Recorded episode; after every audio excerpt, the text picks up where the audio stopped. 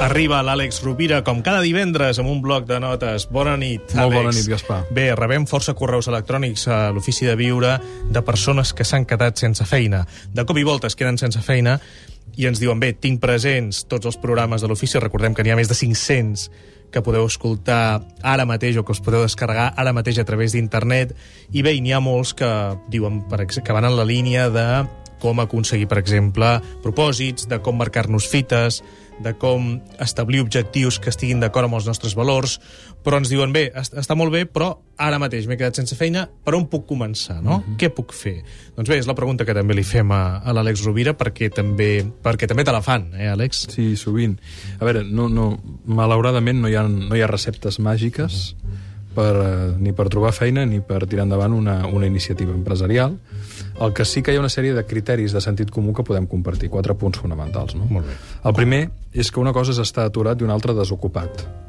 Um, Quedar-te sense feina no implica necessàriament que no puguis fer res. És molt millor estar actiu i aquesta activitat, tot i que no trobis una feina remunerada, en lloc de que el temps se't vagi menjant i acabis probablement que, caient en la resignació o en la desídia que passa i que és natural que pugui passar pel desànim, crec que hi ha dues opcions fonamentals, com a oportunitats. No? La primera és formar-te, formar-te.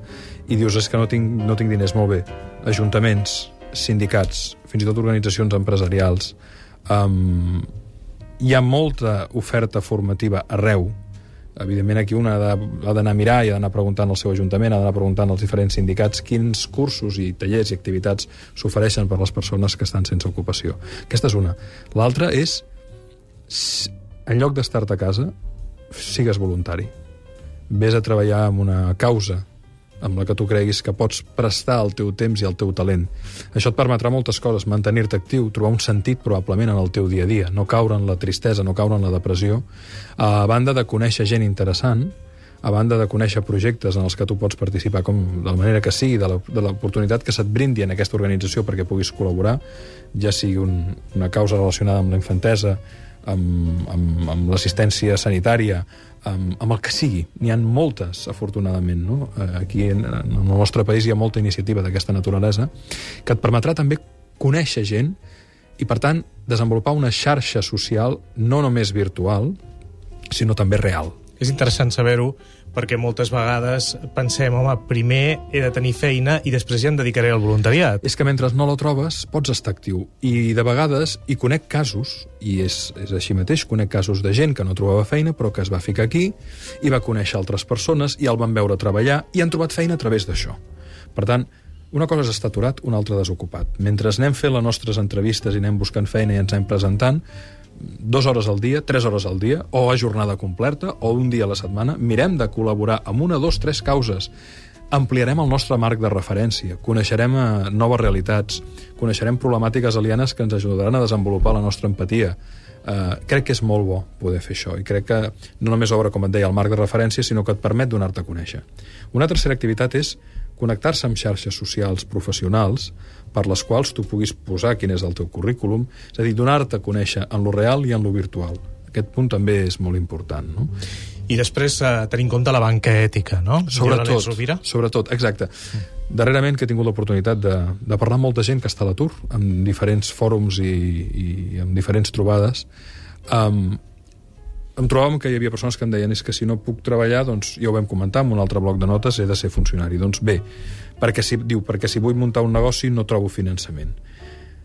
Probablement amb la banca comercial tradicional pugui ser així, està sent així però la banca ètica no té tant en compte les teves característiques, és a dir, perfil, no? que em deia l'altre dia una, una dona, diu, jo tinc 56 anys, estic a l'atur, mm, crec que no trobaré feina i, a més, crec que si monto un negoci no tindré finançament.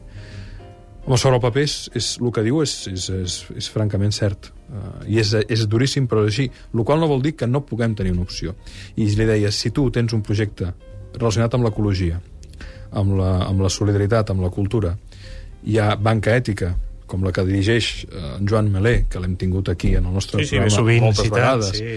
una bellíssima persona i un gran professional, Trio Dos Bank, que estudien molt a fons amb un comitè que no només té en compte la rendibilitat econòmica, sinó també social d'aquell projecte.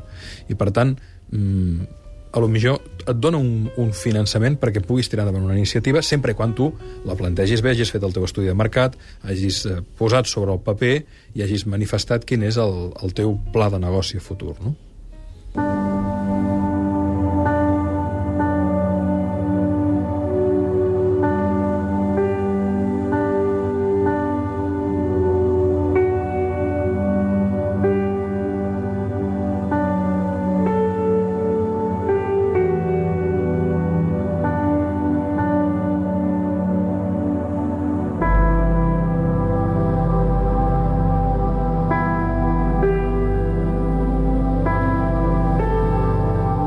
Recordar també que a l'hora de muntar un negoci, internet ens ofereix moltíssimes possibilitats.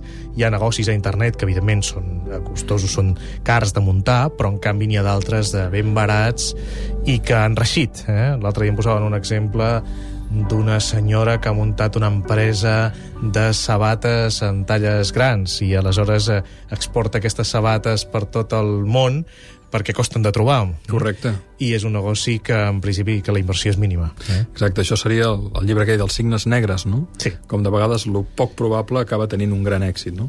Potser el resum seria tres qüestions, no?, davant d'una situació d'atur. La primera és mantenir-se actiu, mm, fer coses, col·laborar, participar, donar-se a conèixer. La segona, formar-se llegir, preparar-se, mantenir-se, renovar-se intel·lectualment, renovar les habilitats, obrir les possibilitats del que podem saber o fer a partir de la formació. I la tercera és aprofitar la situació que tenim per ampliar el nostre marc de referència, és a dir, per redefinir les nostres creences. Um, nosaltres tendim a veure allò que creem. Els mecanismes de percepció selectiva, dels quals hem parlat moltes vegades, ens fan veure allò amb el qual creiem que està construït el món.